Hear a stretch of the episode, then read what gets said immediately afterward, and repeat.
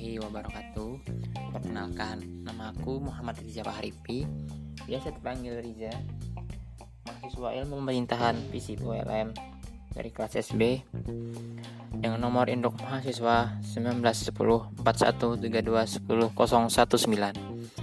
Kali ini aku akan memberikan materi tentang penjelasan mengenai komunikasi. Kita awali dengan manusia sebagai makhluk sosial manusia adalah makhluk sosial, maka sudah menjadi kodratnya bahwa manusia itu akan selalu ingin berhubungan dengan manusia lainnya, baik secara perseorangan, kelompok, maupun organisasi. Nah, lalu timbul pertanyaan, apa mengapa sih manusia itu selalu ingin berhubungan atau berinteraksi dengan orang lain? Jawabannya, karena setiap manusia yang hidup sehat dan normal akan selalu memiliki perasaan ingin tahu segala hal, seperti ingin mengetahui dan mengenal lingkungan sekitarnya, ingin mengetahui orang lain yang berada di lingkungannya, ingin mengetahui bahkan ingin mengetahui tentang dirinya, dirinya sendiri. Dalam kehidupan bermasyarakat, orang yang tidak pernah berkomunikasi dengan orang lain akan secara otomatis ia akan terisolasi dari masyarakat. Hal ini tentu akan berpengaruh negatif terhadap perkembangan jiwa dan raganya yang pada akhirnya akan menimbulkan depresi mental dan tidak menutup kemungkinan akan mengakibatkan gangguan kejiwaan. Kemudian ada definisi komunikasi kom kata atau istilah komunikasi berasal dari bahasa Inggris yaitu communication yang berasal dari bahasa Latin communicatus yang artinya berbagi atau menjadi milik bersama. Selanjutnya, komunikasi juga berasal dari perkataan Latin komunis yang artinya membuat kebersamaan atau membangun kebersamaan antara dua orang atau lebih. Komunikasi juga berasal dari akar kata bahasa Latin komuniku artinya membagi. Dengan demikian, komunikasi menurut lexicographer ahli kamus bahasa menunjuk pada upaya yang bertujuan berbagi untuk mencapai kebersamaan. Sementara dalam Webster New College Dictionary antara lain dijelaskan bahwa komunikasi adalah proses pertukaran informasi antara individu melalui lambang-lambang, tanda-tanda, atau tingkah laku.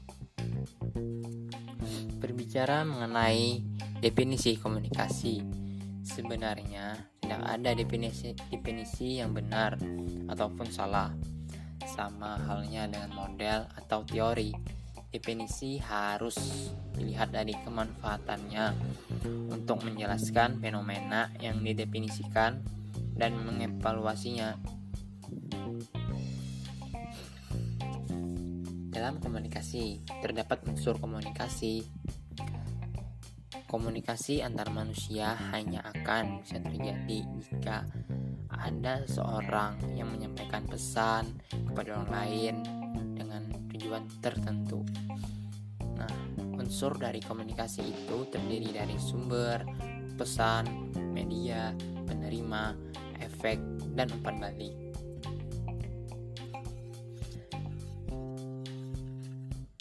Dalam komunikasi juga terdapat tingkatan komunikasi yang mana satu ada tingkatan komunikasi intrapribadi, ada komunikasi antar pribadi, komunikasi dalam kelompok, komunikasi kelompok atau asosiasi, dan komunikasi organisasi.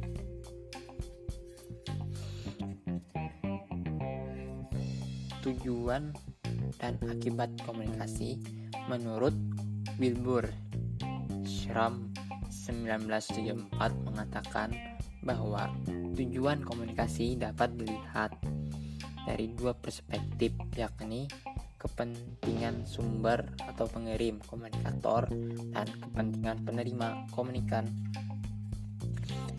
Dilihat dari sudut pandang kepentingan sumber komunikator. Tujuan komunikasi ialah satu memberikan informasi mendidik menyenangkan atau menghibur dan menganjurkan suatu tindakan persuasi. Kemudian kita lihat dari sudut pandang kepentingan penerima, yaitu terdiri dari memahami informasi, mempelajari, menikmati, dan menolak anjurannya. Dalam komunikasi terdapat pesan, informasi, dan makna. Dengan kata lain, informasi adalah makna pesan.